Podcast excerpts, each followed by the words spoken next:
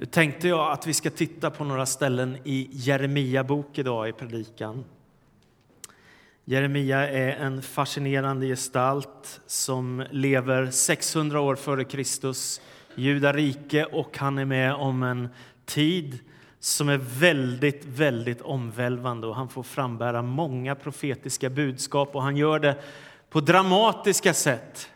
Gud säger till honom vid något tillfälle att spänn på dig ett ok och så ska du illustrera profetiskt att Gud liksom kommer med ett ok över folket. Och så är det någon som bryter sönder det, då kommer han med ett nytt ok av järn istället. Någon gång så går han och gömmer ett höftskynke och så talar Gud till honom och så säger han nu när det har gått lång tid får du gå och hämta det där höftskynket och så har det liksom ruttnat sönder och så blir det ett budskap ifrån Herren utifrån, det, utifrån den bilden. Och någon gång så ser han ett mandelträd som blommar och så säger Gud på detta sätt så ska jag låta mitt ord gå i fullbordan. Och så där fortsätter det. Det är en dramatisk bok som handlar om eh, många stora frågor. Men någonting kan beröras, och någonting som när man, när man kommer i kontakt med Gud. Och det är det jag tänker som drabbar Jeremia, om du tar nästa bild så handlar det om att beröras av Guds ord. Eh, och det står på många ställen i Jeremia bok, Herrens ord kom till mig. Och så gör det något dramatiskt med hans liv. Hans liv förändras, förvandlas och han får ett tilltal från Gud, både till sig själv och som han kan ge vidare till sitt folk. Bibeln är liksom själva grundtanken är detta att vara tilltal från Gud själv. Där människor i olika tillfällen i historien har fått höra Herren tala, har fått teckna ner det som de har varit med om, berättelserna, mötet med Jesus, upplevelserna bland profeterna och allt detta. Och jag tänker kanske att det är så för en del av er, så var det åtminstone för mig, att det här var en helt stängd bok när jag var tonåring. Jag hade aldrig knappt öppnat Bibeln. Någon enstaka gång gjorde det och jag förstod ingenting. Ni vet. Så där kan det vara. Och någon tänker ja, det här, ja, men det är tråkigt att hålla på med det här, liksom sitta och bläddra någon, någon, liksom tusentals sidor. Ska jag hålla på med detta? Och så tänker du, här kan jag väl ändå inte hitta något kraftfullt eller levande eller vackert, något som kan förändra mitt liv. Men så händer det där att man blir berörd av Guds närvaro. Att man känner att Gud är här och att Gud rör vid en på något sätt. Och helt plötsligt så blir Bibeln en oerhört viktig bok. Man börjar älska den här. Därför att den säger saker som har med de största livsfrågorna att göra. Varifrån vi kommer, vilka vi är, vad som är syftet med den här tillvaron och vad som händer när man dör. Massa sådana här stora frågor som gör Bibeln till en ovärderlig bok. Och så kan man börja den här resan in i Bibelns värld. Och från början så fattar man väldigt lite. Men ju mer man läser så blir man bekant med Petrus och Jeremia och Maria och Eva och Adam och allihop. Och helt plötsligt så befolkas ens huvud av en hel värld av gestalter av människor som har levt tillsammans med Gud och mött Jesus och upplevt Gud och fått känna hans kraft och härlighet. Det är fascinerande. Jag tycker det är fantastiskt. Eh, för mig var det så att jag var någonstans i 19-årsåldern. Då hade jag fått några såna här starka gudsupplevelser som vände upp och ner på mitt liv rätt så rejält. Jag som inte hade brytt mig särskilt mycket om Gud blev helt plötsligt jätteintresserad. Och jag fick en bibel när jag gick på teamträningsskola, ett sånt där år där man ska lära sig massa saker och berätta om sin tro och dela med sig av sin tro till andra människor och man ska ha undervisning och bibelstudium och massa sånt. Sånt höll vi på med.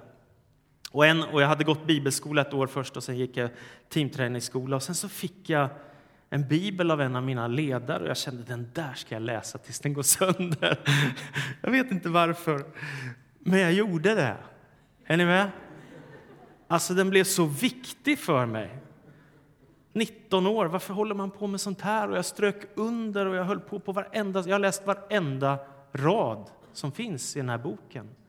Och jag vet inte varför, jag kan bara förklara det med att på något sätt som i slutet på mina tonår att Gud rörde vid mitt liv, att jag som var ganska ointresserad av kyrka, Gud och tro helt plötsligt gav mig in i den här världen med buller och bång, kan man väl säga. Och detta att få till sig Gudsordet, det är något, något som är väldigt, väldigt starkt. Jag minns att jag satt på ett bönemöte när jag, jag var i min första församlingstjänst. Jag hade precis börjat jobba i församlingen. Så sitter jag och läser en bibeltext från Lukas evangeliet och så är det som om orden bara lyfter ifrån bibeltexten och går rakt in i mitt hjärta. Och det är Symeon som har varit hela sitt liv i templet och så säger han Herre, nu när jag har sett Jesus, när jag har sett Messias så kan du låta mig gå hem i frid. Jag behöver inte leva längre. Jag har sett Jesus. Det räcker för mig. Nu kan du ta hem mig. Liksom. Detta har jag väntat på hela mitt liv. Nu är han här. Nu räcker det för mig. Och så minns jag hur tårarna började strömma ner för mina kinder. Jag vet, jag kan inte förklara det där. Jag kan bara säga att det är någonting som händer med en när man börjar öppna sig för Bibelns värld och när man börjar öppna sig för Guds ordet och ta in det i sitt hjärta och inte låta det vara bara en bok bland alla andra böcker som vi har. Nåväl, profeten Jeremia ifrån kapitel 1, du kan ta nästa bild, vers 4 till vers 11 så står det så här.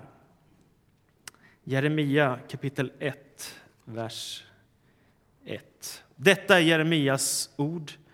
Han var son till Hilkia, en av prästerna i Anatot i Benjamins land. Herrens ord kom till honom då Josia, Amons son, var kung över Juda i hans trettionde regeringsår och då Jojakin Josias var kung över Juda och ända till slutet av det elfte året som Sikia, Josias son, var kung över Juda. Det var det året i femte månaden som Jerusalems befolkning fördes bort i fångenskap. Och Herrens ord kom till mig Innan jag formade dig i moderlivet utvalde jag dig. Innan du kom ut ur moderskötet gav jag dig ett heligt uppdrag att vara profet för folken. Men jag svarade, nej, Herre min Gud, jag duger inte till att tala, jag är för ung. Och då sa Herren till mig, säg inte att du är för ung, utan gå dit jag sänder dig och säg det jag befaller dig och låt dem inte skrämma dig, ty jag är med dig och jag skall Rädda dig, säger Herren. Och Herren sträckte ut handen, rörde vid min mun och sa, jag lägger mina ord i din mun. Det här är profeten Jeremia med om, och det är så oerhört dramatiskt. Ändå är han så jordnära, det gillar jag. Profeten Jesaja, vet ni, när han får sina syner, då är det Jag såg Herren sitta på en tron uppe i himmelen och mantelsläpet utgick ifrån Herrens tempel och han så oerhört dramatisk. Och Gud frågar eh, Jeremia, vad ser du? Jag ser ett mandelträd. Jag ser en kokande gryta. Sådana där, såna där svar ger Jeremia när Gud talar till honom. Men det som händer honom, det är det här att det står att Herrens ord kom till mig. Och det där tänker jag att man behöver vara med om det som människa då och då i livet. Att helt plötsligt så händer det något och så får jag ett ord ifrån Gud som jag kan leva på. Det kan vara ett bibelord som talar rakt in i min vardagssituation. Det kan också vara en profetisk hälsning från någon människa som har fått en profetisk gåva i sitt liv och fått förmedla en hälsning från Herren vidare till dig eller till mig. Men när Guds ord kommer till Jeremia så är det ändå en kamp. Och den första kampen som börjar med Jeremia, som är ganska självklar, det är hans självkänsla. Herre, inte ska väl jag? Va? Nej, Herre min Gud, jag duger inte att tala, jag är för ung. Känner du igen det där? Alltså, Gud rör vid ditt liv och du är med om någonting stort och helt plötsligt känner du han vill något med mig. Men när det är dags för att ta steget så blir det och hur ska jag? Och inte kan väl jag? Och jag vågar inte och jag törs inte, jag är för ung. Och så kommer alla ursäkter, självkänslan som man brottas med. Men det är som att Gud inte ger sig, utan han knuffar Jeremia ett steg till. Säg inte att du är för ung. Kom igen, ta ett steg framåt, gå vidare. Och så gör han det. Och så kommer kallelsen till Jeremia. Du är inte för ung, utan gå dit jag sänder dig och säg det jag befaller dig. Låt dem inte skrämma dig, säger Herren till Jeremia. Detta ska du få vara med om att förmedla. Så han kommer över den här kampen, brottningen med sitt självförakt, sin känsla av ovärdighet att vara ett Guds redskap. Och så går han in i sin kallelse att vara en profet. Andrew Crouch, som är en av de stora gospellegenderna på 1900-talet, han levde ända tills i början på det här året, har spelat med världsberömda musiker och sångare. En av hans bästa sånger, den går så här. We need to hear from you. We need a word from you. If we don't hear from you, what will we do? Wanting you more each day, show us your perfect way. There is no other way that we can live. Alltså, vi behöver ett ord ifrån dig, Gud. Vi behöver ett ord från dig. Och om vi inte hör ifrån dig, vad skulle vi göra? Visa oss din väg. Vi väntar och längtar efter dig mer och mer för varje dag. Det finns ingen annan väg, inget annat sätt som vi kan leva. Tänk om den här boken inte fanns. Tänk om inte vi kunde stå vid någons grav och tänka att det finns ett evigt liv. Tänk om vi inte kunde tänka att det finns en Gud som älskar mig. Jesus Kristus är Herre, eller vad du vill. Eller det finns ett större syfte med mitt liv. När de judiska rabbinerna på Jesu tid skulle möta sina sexåriga elever som skulle lära sig att studera ordet. De gjorde tuffa grejer. De var inte så här barmhärtigt som det är nu för tiden att man går igenom en konfirmationskurs ganska enkelt, utan man skulle lära sig de fem första böckerna i Bibeln utan till helst. Första, andra, tredje, fjärde, femte Mosebok. Och då var det så att rabbinerna, när de skulle göra det, så var det så att de tog fram en burk med honung. Den här honung från Grekland, så ni får inte äta upp den när jag skickar runt den. Men de gav till sina elever och sen så satte de lite honung på fingrarna som fick eleverna smaka på den här honungen. Och så ville de att den här boken och detta skulle förknippas med varann. Det sötaste, härligaste doft man kan tänka sig skulle de få smaka på. Nu får du skicka runt den och hoppas att honungen är kvar när jag får tillbaka den. ja. Så är det. Det var deras sätt att lära sina elever att om du får del av detta, då får du del av någonting som är ljuvligt. Du får kontakt med Gud själv. I Hebreerbrevet så står det i det fjärde kapitlet och den tolfte versen att Guds ord är levande och verksamt. Det är skarpare än något tvegat svärd och det tränger så djupt att det skiljer mellan själ och ande, led och märg och blottlägger hjärtats uppsåt och tankar. Det vill säga, ordet är till för att tränga djupt in i ditt hjärta. Alltså om det går till ditt sinne utan att landa i hjärtat så är det nästan hopplöst. Alltså det måste ta sig hela vägen ner eller in i ditt hjärta och få liv där, börja leva där så att du liksom bygger din relation med Gud, med Jesus Kristus. Och det är tanken att det ska gå rakt in i hjärtat. Det är därför när Petrus predikar på pingstdagen som så många människor kommer till tro och blir frälsta för att de låter ordet träffa deras hjärtan. Men Jesus han säger också när man hör ordet talas så kan man ta emot det på fyra sätt. Antingen som att man hör ordet, låter det passera, gå vidare. Eller som man hör ordet men sen så kommer alla livets prövningar och svårigheter och så tappar man bort det. Eller så kommer rikedom och frestelser och lockelser och grejer och lockar en bort ifrån det. Eller, säger Jesus, så kan man låta ordet bära frukt i sitt liv, i sitt hjärta så att det får bli till välsignelse 30-falt, 60-falt, 100-falt. Alltså att det blir någonting av det som Gud ger en. När Jeremia fortsätter sin tjänst så kommer han till nästa steg och det är detta, du kan ta nästa bild. Och det är att han inser att det är en kamp och det har att göra med det budskap som han får föra fram. För han får inte bara det som Jesus ger av evangelium, utan han får också föra fram en del domsprofetier eftersom folket har börjat dyrka andra gudar, en del av dem. Och så hamnar han i en inre brottning med Gud. Jag tycker det är så skönt att Jeremia är så ärlig. Det är inte så att han har någon religiös fernissa och liksom ligger på ett Colgate smile och allting är enkelt bara. Utan han säger precis som det är. Lyssna. Herre, du förledde mig och jag lät mig förledas. Du blev mig för stark och du fick övertaget. Jag har blivit till ständigt åtlöje. Alla gör narr av mig. Ty varje gång jag talar måste jag ropa, måste jag skrika våld och förtryck. Ja, mig har Herrens ord vållat ständigt spott och spe. Men tänker jag, jag bryr mig inte om honom. Aldrig mer ska jag tala i hans namn. Då blir det i mitt bröst som brann där en eld instängd i mitt innersta och jag försöker stå emot men förmår det inte. Det här är ju jättestarkt för att det har så mycket med en människas ärlighet att göra. Gud, du gav mig detta, men jag ser ju vad som händer om jag säger sanningen till människor runt omkring mig också om domen som väntar på grund av avguderi och ondska. Så han brottas med Gud, han kämpar med Gud. Gud, måste jag göra det? Jag vill liksom vara tyst. Tänk dig själv då, en som har fått en kallelse ifrån Gud själv, hört Herren tala och så säger han, jag vill aldrig mer tala i hans namn.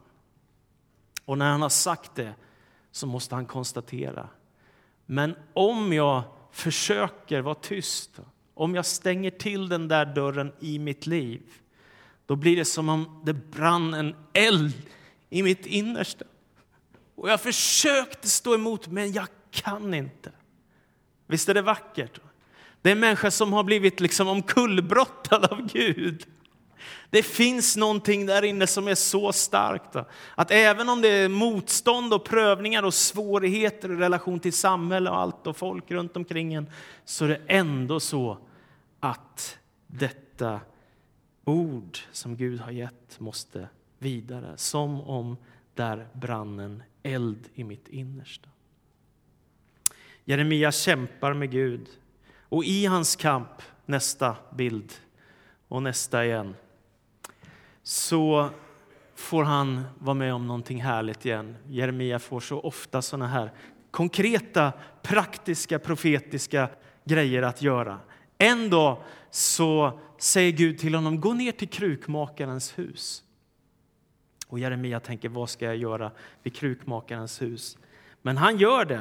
Han går ner till krukmakarens hus och så ser han hur krukmakaren står där med ett ler i sina händer. Och vid vissa tillfällen blir det jättefina vaser och grejer som han kan bränna sen i en ugn, tänker jag. Men vid vissa tillfällen så blir den där degen eller liksom lerklumpen den blir felaktig. Den blir inte alls som han hade tänkt. Och då gör han ett nytt kärl. Han börjar om från början och så formar han en gång till av samma lera ett vackert kärl. Och då står det Herrens ord kom till mig. Skulle inte jag kunna göra med er Israels folk så som denne krukmakare gör, säger Herren. Som leran i krukmakarens händer, så är ni i mina händer, Israels folk. Och det betyder nästa ett misslyckande är inte slutet. Om det går fel i ditt liv så är det inte så att detta vi har att göra med gör att okej, okay, du lyckades inte. Hä, det var synd, då får du göra något annat med ditt liv. Ibland känns det som om människor har fått för sig det, det vill säga man går igenom en livskris och istället för att ta sig så nära Gud och Jesus som man kan så känner man jag måste ge mig bort ifrån allt detta som har med Gud, kyrka, och Bibel och Jesus att göra så att jag inte behöver tänka på det. Är ni med? Alltså riktningen kan bli fel. Och jag, då tänker jag så här, okej, okay, om Gud bara är till för människor som lyckas med sitt liv, ja, men då är det väl ganska hopplöst, eller hur? Om Gud bara finns till för när allting går bra, när vi gör alla val rätt och när allting snurrar på och flyter på, är det bara då Gud är till för oss, då är det här helt hopplöst. Men jag tänker Gud är en Gud, en andra chansens Gud, att man får börja om än en gång och starta från början. Vilket betyder att Bibelns budskap är att Livet tar inte slut när man misslyckas eller när livet går sönder eller när man gör ett stort felsteg eller när man syndar eller vad du vill. Utan det finns förlåtelse, det finns upprättelse. Och därför säger Jeremia i kapitel 29 och vers 11 jag vet väl vilka avsikter jag har med er, säger Herren. Välgång, inte olycka, och jag ska ge er en framtid och ett hopp. Och Det här är ett väldigt starkt budskap in i en situation när Israel har, som jag sa, levt i avguderi, dyrkat bal, man har hållit på med ondska och elände och så har man blivit bortdriven ifrån sitt land och hamnat i fångenskap i Babylon. Och Jeremia får framböra ett profetiskt budskap att det kommer i 70 år att, att gå innan de får komma tillbaka till sitt eget land. Och så avslutar han hela den här profetian med att säga Jag vet vilka avsikter jag har med er, säger Herren. Välgång, inte olycka. Jag ska ge er en framtid och ett hopp. Och jag är så tacksam för de här orden, ett ord ifrån Herren. Jag kan ge dig en framtid och ett hopp. Den här veckan som gick hade jag många fina dagar med min familj och var lite ledig, men jag fick flera telefonsamtal och sms från människor som är i jättesvåra situationer. Är ni med?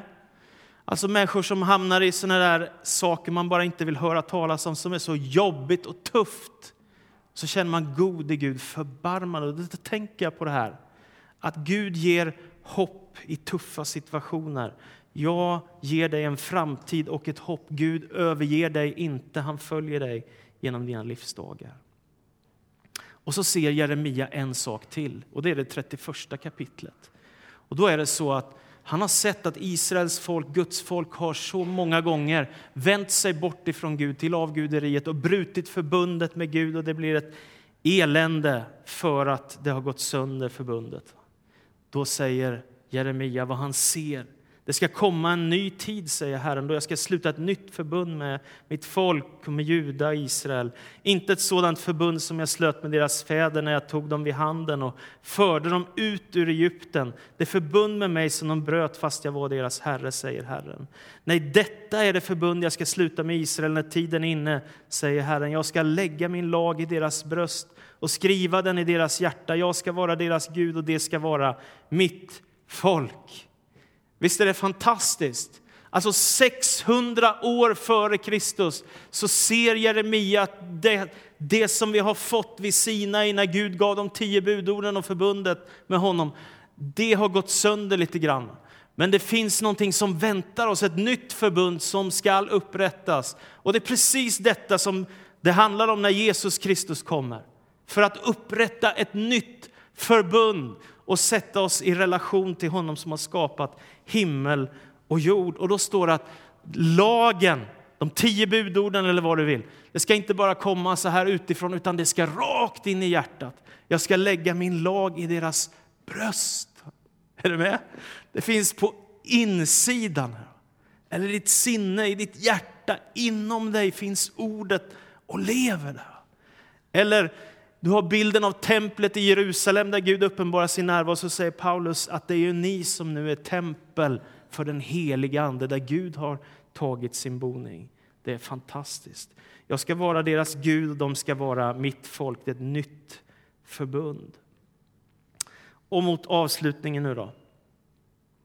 I Hebreerbrevets första kapitel och i den första till tredje versen så säger Hebreerbrevets författare att Gud talar på många olika sätt genom historien. Han har talat många gånger och på många sätt i forna tider genom profeterna. Men så säger han, men nu vid denna tiden så har han talat till oss genom sin son som han har insatt att ärva allting, liksom han också skapat världen genom honom. Och han som är utstrålningen av Guds härlighet och en avbild av hans väsen som bär upp allt med kraften i sitt ord. Han har renat oss från synden och sitter på majestätets högra sida i himlen. Och då är jag så glad för detta också. Som kristen, som avslutning nu då. Man behöver inte bara leva av de här orden. Utan framför allt så är det så att det finns ett ord och detta ord är Jesus.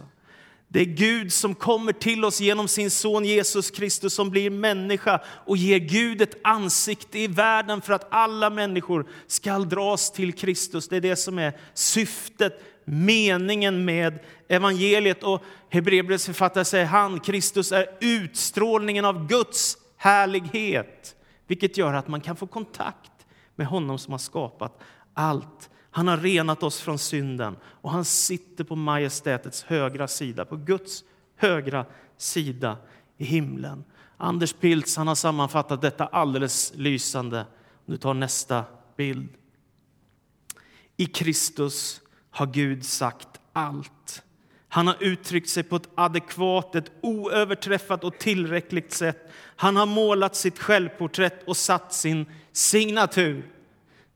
Ja, precis det som det handlar om. I Kristus har Gud sagt det så tydligt som det bara går. Det betyder att jag behöver som kristen inte bara sträcka mig mot himlen och säga Gud om du finns och kanske Herre att och om du är barmhärtig låt mig komma till paradiset och snälla Herre var du nu är någonstans. Är ni med? Utan evangeliet är detta att Gud kommer till oss genom Jesus Kristus, blir människa och får en kropp av kött och blod. Men han är Guds son. Han är Guds avbild, han är utstrålningen av Guds härlighet. Han är den gudomlige som blir människa och Gud har målat ett självporträtt i Jesus Kristus som vandrar här. Och jag tänker på profeten Jeremia. Gång på gång så gick han igenom tuffa situationer. Men det stod gång på gång också Herrens ord kom till mig. Herrens ord kom till mig. Och så fick Jeremia vara en profet och Jeremia bok avslutas med efter svåra tider att kungen benådas och blir frigiven och sen så kan de resa tillbaka till sitt land och allt det som Gud har förutsagt kan fullbordas. Det är hoppet som Gud ger genom sitt ord. Amen.